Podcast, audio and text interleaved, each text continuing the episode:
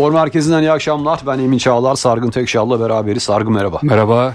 20.45'te Galatasaray Şampiyonlar Ligi'nden elendi. UEFA Avrupa Ligi'nde yoluna devam etmek istiyor. Bu yoldaki rakip Sparta Prag. Dün basın toplantısı Okan Buruk net konuştu. Hedefi söyledi. Ee, sahamızda farklı bir galibiyet bizi çok rahatlatacak dedi. Ve sen nasıl bir maç bekliyorsun?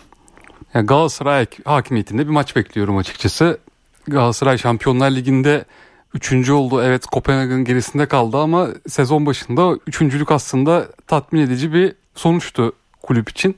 United'ı geride bıraktı ve oyun olarak da açıkçası taraftarını hiçbir zaman üzmedi 6 maçta. Kopenhag maçlarında belki biraz silik kaldı Galatasaray. Aslında bu akşam içinde bir uyarı mı acaba bu şimdi söylerken aklıma o geldi. Hani Kopenhag tarzında bir takım sonuçta Sparta Prag. Böyle takım olarak oynayan 10 kişi bir arada gidip bir arada gelip çok yoğun oynayan bir takım ve Galatasaray'ın o alanları açtığında bir dağıldığında azıcık onları direkt hızlı hücumlarla sonucu çevirebilecek bir takım.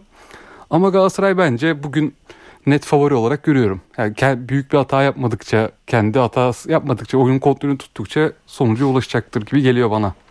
Ee, şu ana kadar hep takımları değerlendirdiğimizde tartıya koyduğumuzda e, yıldızlar topluluğu bir Galatasaray daha takım olan bir Sparta Prag e, olarak değerlendirmiştik.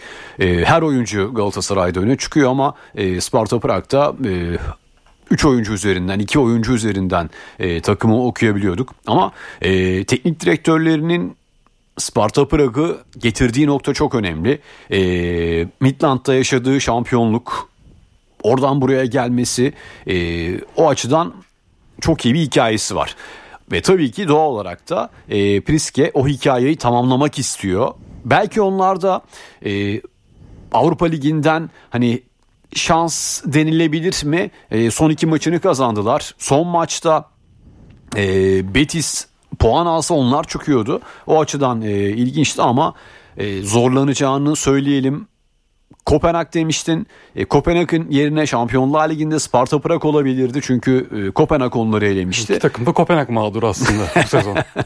e, acaba hani e, Guardiola demişti ya Kopenhag'ı yenmenin ne kadar zor olduğunu Galatasaray Bayern şeye sorun diye.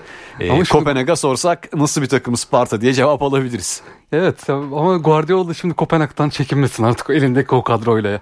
Ama hiçbir zaman zaten böyle bir rakibi küçümseyici bir açıklamasını evet. hatırlamıyorum. Zaten büyük Her şampiyonlar daim. böyle oluyor yani rakip ayırt etmeden. Ee, şimdi biraz 11'i değerlendirdiğimizde aslında 11 e, net diyebiliriz. Çok büyük bir sakatlık olmadığı sürece sadece hani e, Nelson mu Abdülkerim mi? Nelson'un bir sakatlığı vardı ama demek ki oynamasına engel değil. E, 11'de ne dersin bir farklılık bekliyor musun? Beklemiyorum açıkçası. Abdülkerim acaba oynar mı diye sadece onu merak ediyorum. O da daha uzun bir sakatlıktan dönüyor. 3 haftadır yaklaşık takımdan uzakta 2 gündür çalışıyor. Abdülkerim eğer hazır hissederse Nelson'un yerine onu oynatabileceğini düşünüyorum. Onun dışında da o klasikleşen artık 11. Sol bekte Berkan, sağ bekte Kaan Ayhanlı Galatasaray'ı izleriz gibi geliyor. E, o zaman daha henüz belli olmadı. Muhtemel 11'i paylaşalım. Kalede Muslera, defans dörtlüsü saydığın gibi Berkan Solbek, Kaan Sağbek, Nelson Sanchez şu an beklediğimiz ama Nelson'un yerine de bir e, Abdülkerim'i parantez içinde yazıyoruz. Önlerindeki ikili Torreira Kerem Demirbay, Barış Alper, Mertens Kerem Aktürkoğlu, e, hücum üçlüsü orta üçlü diyelim ve tabii ki Icardi. Evet. Icardi suskunluğunu acaba Sparta karşısında bozar mı? Yani bozsa iyi olur ama Sparta'da ya bu arada Sparta Prag'ın savunması 3-4-3 oynuyor Sparta Prag'da. Daha çok sanki rakibe oyun kur, kurarken kaptırdığı toplarla pozisyon veren bir takım Sparta Prag. Ben mesela o yüzden bugün böyle daha çok defans arkasında koşu atabilecek oyuncuların skor üretebileceğini düşünüyorum. Galatasaray için mi? Evet. Ya Barış Alper ve Kerem için uygun bir rakip Sparta Prag. Icardi belki tabii onlarla o hızlı hücumlara katılarak skor üretebilir ama Galatasaray'ın sanki set oyunundan çok böyle geçiş hücumlarıyla Kerem ve Barış Alper'in skora katkısını olacağını düşünüyorum. Ee, Okan Buruk kaybettiği e, Manchester daha doğrusu berabere kaldı. Yani kaybettiği Bayern Münih e, puan aldığı e, Manchester maçlarını öyle düşündüğünde özellikle İstanbul'daki Bayern Münih maçındaki o cesur oyun e, bugün birçok Galatasaraylıyı senin biraz önce söylediğin o ağır favori olarak ortaya atıyor. E, ben o maçların bugün Okan Buruk'a bir çok büyük bir özgüven verdiğini düşünüyorum. E, Prag karşısında daha hem oyuncularına net bir şekilde güvenen hem de kendi taktiğini yani A, B, C planını artık net bir şekilde oturtmuş bir e, Okan Buruk olduğunu düşünüyorum. İşte Şampiyonlar Ligi'nin oyuncuya, camiaya, teknik direktöre kattıkları. Evet bir de Okan Buruk'un takımı aslında iki sezondur. Yani bu sezonun yarısı ve geçen sezondan biri şöyle tanımlayabiliyoruz. Önde presiyle Galatasaray fark yaratıyor. Ve bunu Şampiyonlar Ligi'nde mesela kurallar çekildiğinde tahmin etmiyorduk United ve Bayern Münih maçın, maçlarında öyle oynayacağını ama o dört maçta da Galatasaray gayet önde bastı. Bir Süper Lig maçıymış gibi Bayern ve Manchester United'da oynadı. E şimdi Okan Buruk'ta biraz şu sıkıntı vardı bence sezon başında. Ziyech ve Zaha'yı bir şekilde sokmaya çalışıyordu sürekli 11'e. E şimdi muhtemelen de saydık bu iki oyuncu yok. Büyük ihtimalle Zaha zaten dün takımla çalışmadı yedek olacaktır. Ya bu iki böyle yıldızları biraz seyreltti. O elindeki oyuna uygun oyuncuları yine buldu yani Barış Alper, Kerem. O iki önde presi başlatan oyuncu. O yüzden sanki Galatasaray o bunaltacak yani Sparta Para'yı ilk 25-30 dakika ve oradan bir skor bulması işi çözer. Ama Sparta Prag tarafında da aslında sen de bahsettin teknik direktörleri Pırşike Mütülan'dan geldi Danimarka'dan ve bu son dönemde hep konuşuyoruz ya spor, duran top antrenörleri. Kulüplere lazım Fenerbahçe'ye de bir tane gelsin ve gol atamıyorlar. Sparta Prag'ın uzmanlık alanı o. Çünkü teknik direktörleri aslında bir duran top antrenörüydü Midtjylland'da. Sonra teknik direktörlüğe Duran top ve savunma antrenörü. Evrildi. O yüzden uzmanlık alanı ve istatistikleri de bayağı güçlü. Mesela stoperleri Crazy bu sezon 11 gol atmış. Son hatta ben kuraldan sonra birkaç maçını izledim. Son hafta sonundaki maçlarında şık bir rövaşata golü var. Böyle ilginç bir stoperleri var 25 yaşında. Kaptanları ayrıca o duran toplardan bir zaaf yaşamazsa Galatasaray ben dediğim gibi yani böyle bir 2-0 3-1 gibi bir sonuç bekliyorum.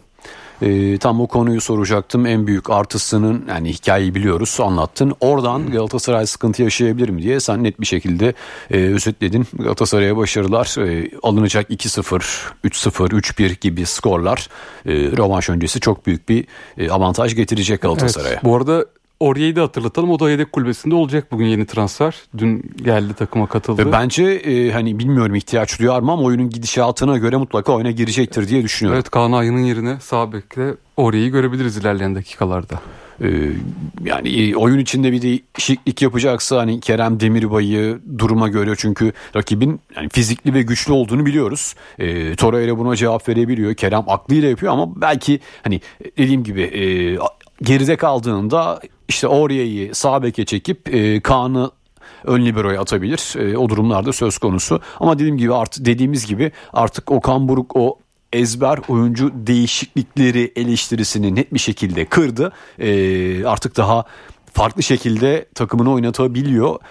Bu akşam umarız buna ihtiyaç olmaz ama olursa da yine e, fark yaratacak bir Galatasaray sahada olacak büyük ihtimalle. Evet sezon başında Yıldızlar takımı Galatasaray diyorduk. Şimdi yavaş yavaş Okan Buruk'un takımı Galatasaray olmaya başladı ve sonuçlar da geliyor.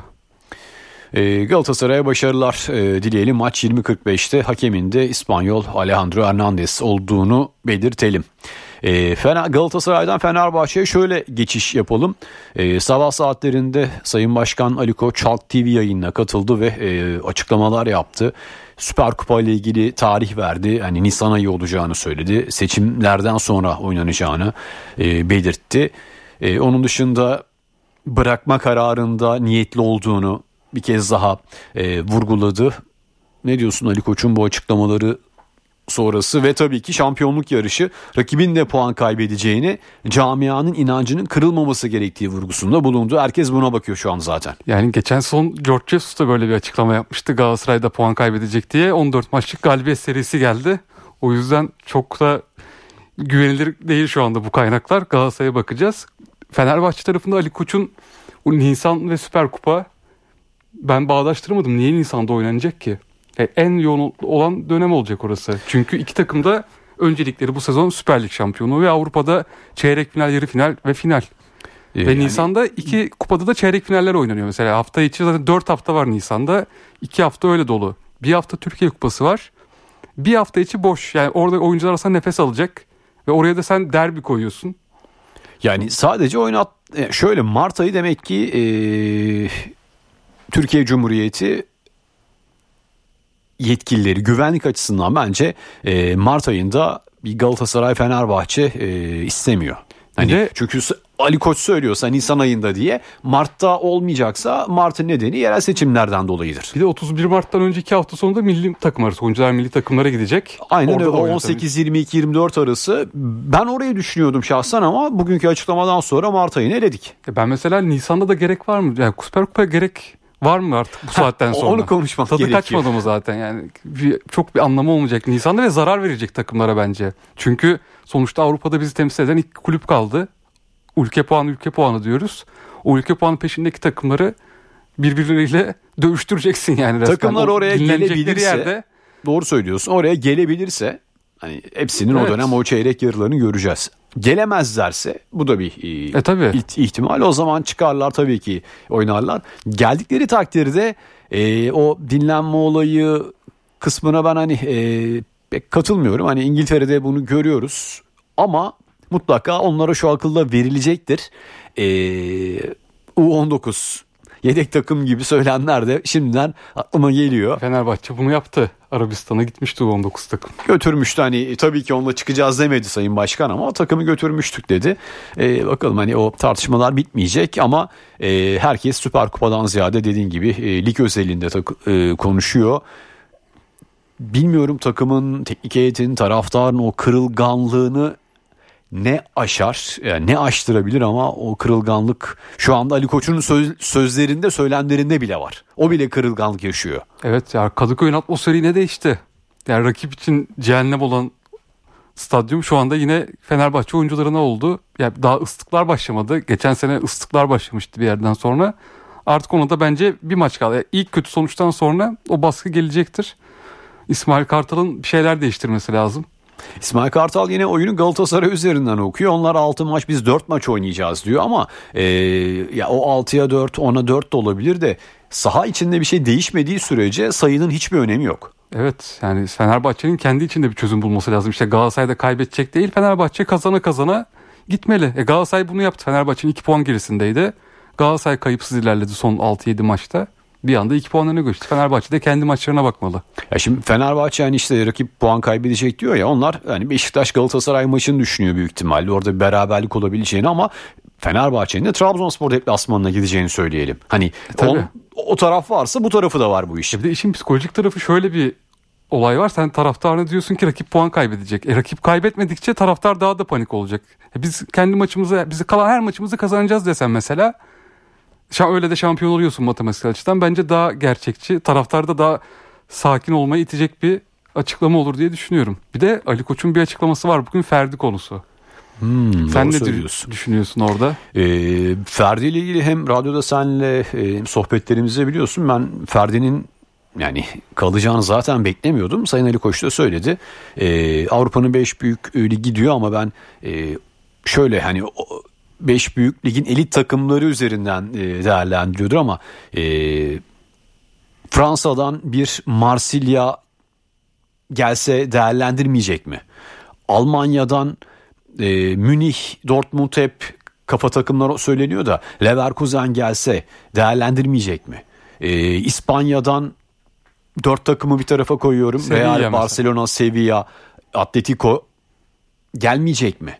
O yüzden o e, o angajı durumu o beni rahatsız ediyor. Yani böyle Arsenal, City, Dortmund, Münih ya değil.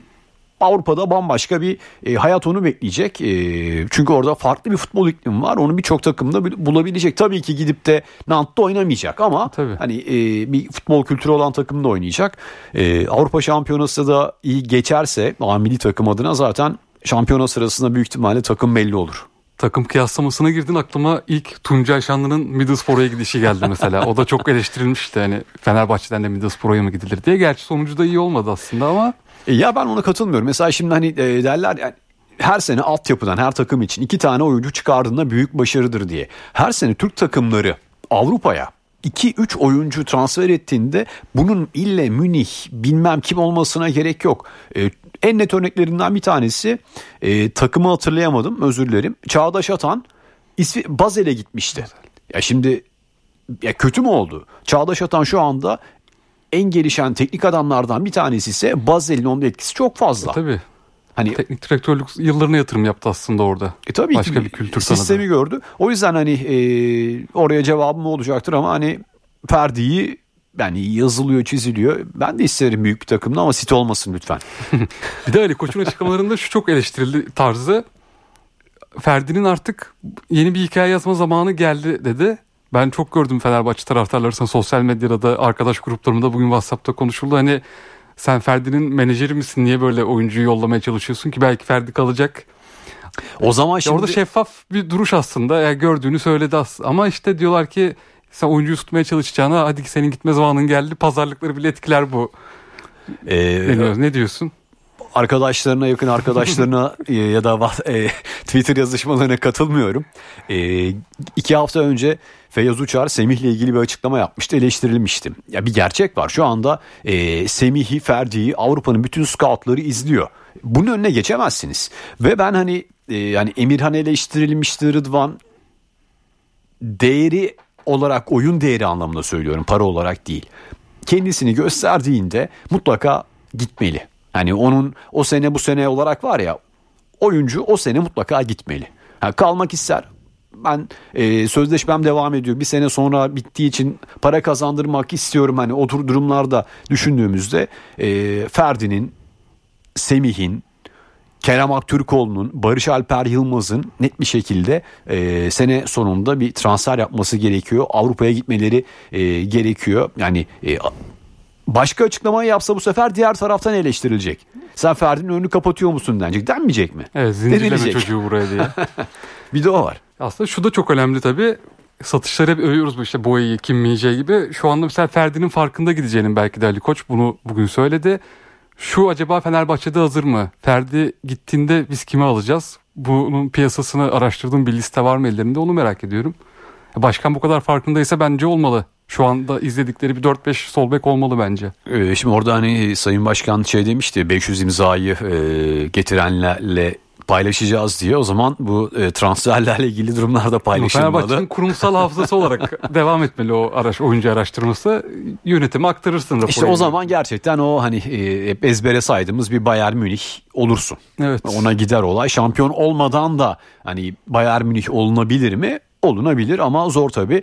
E, süremizin sonuna gelirken kadın güreşiyle ilgili bu akşam 3 altın madalya bekliyoruz. Onu da söyleyelim kapatalım. Evet bugün 3 madalya. Dün 2 madalya gelmişti. Erkek takımı Greco-Romen'de şampiyon oldu döndü. Selçuk Can Alperen Berber Bugün de kadın güreşlerimize başarılar diliyoruz. noktalıyoruz. Hoşçakalın. İyi akşamlar.